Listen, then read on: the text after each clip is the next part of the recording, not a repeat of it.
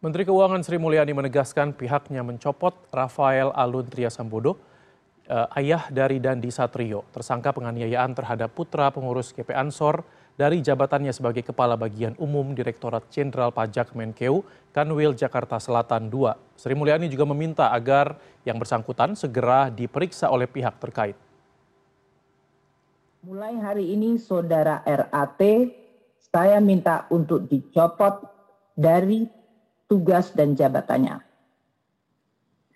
Dasar pencopotan dari jabatan struktural adalah pasal 31 ayat 1 PP 94 tahun 2021 mengenai disiplin pegawai negeri sipil.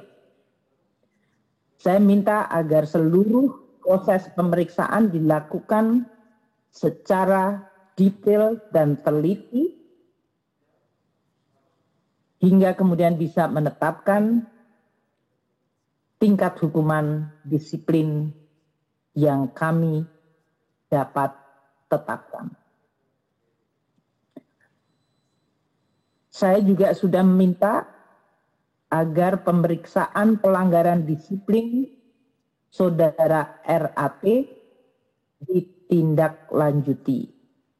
Saat ini sudah diterbitkan surat tugas pemeriksaan pelanggaran disiplin untuk saudara RAT yaitu nomor ST 321 garis miring Inspektorat Jenderal IJ garis miring IJ titik 1 garis miring 2023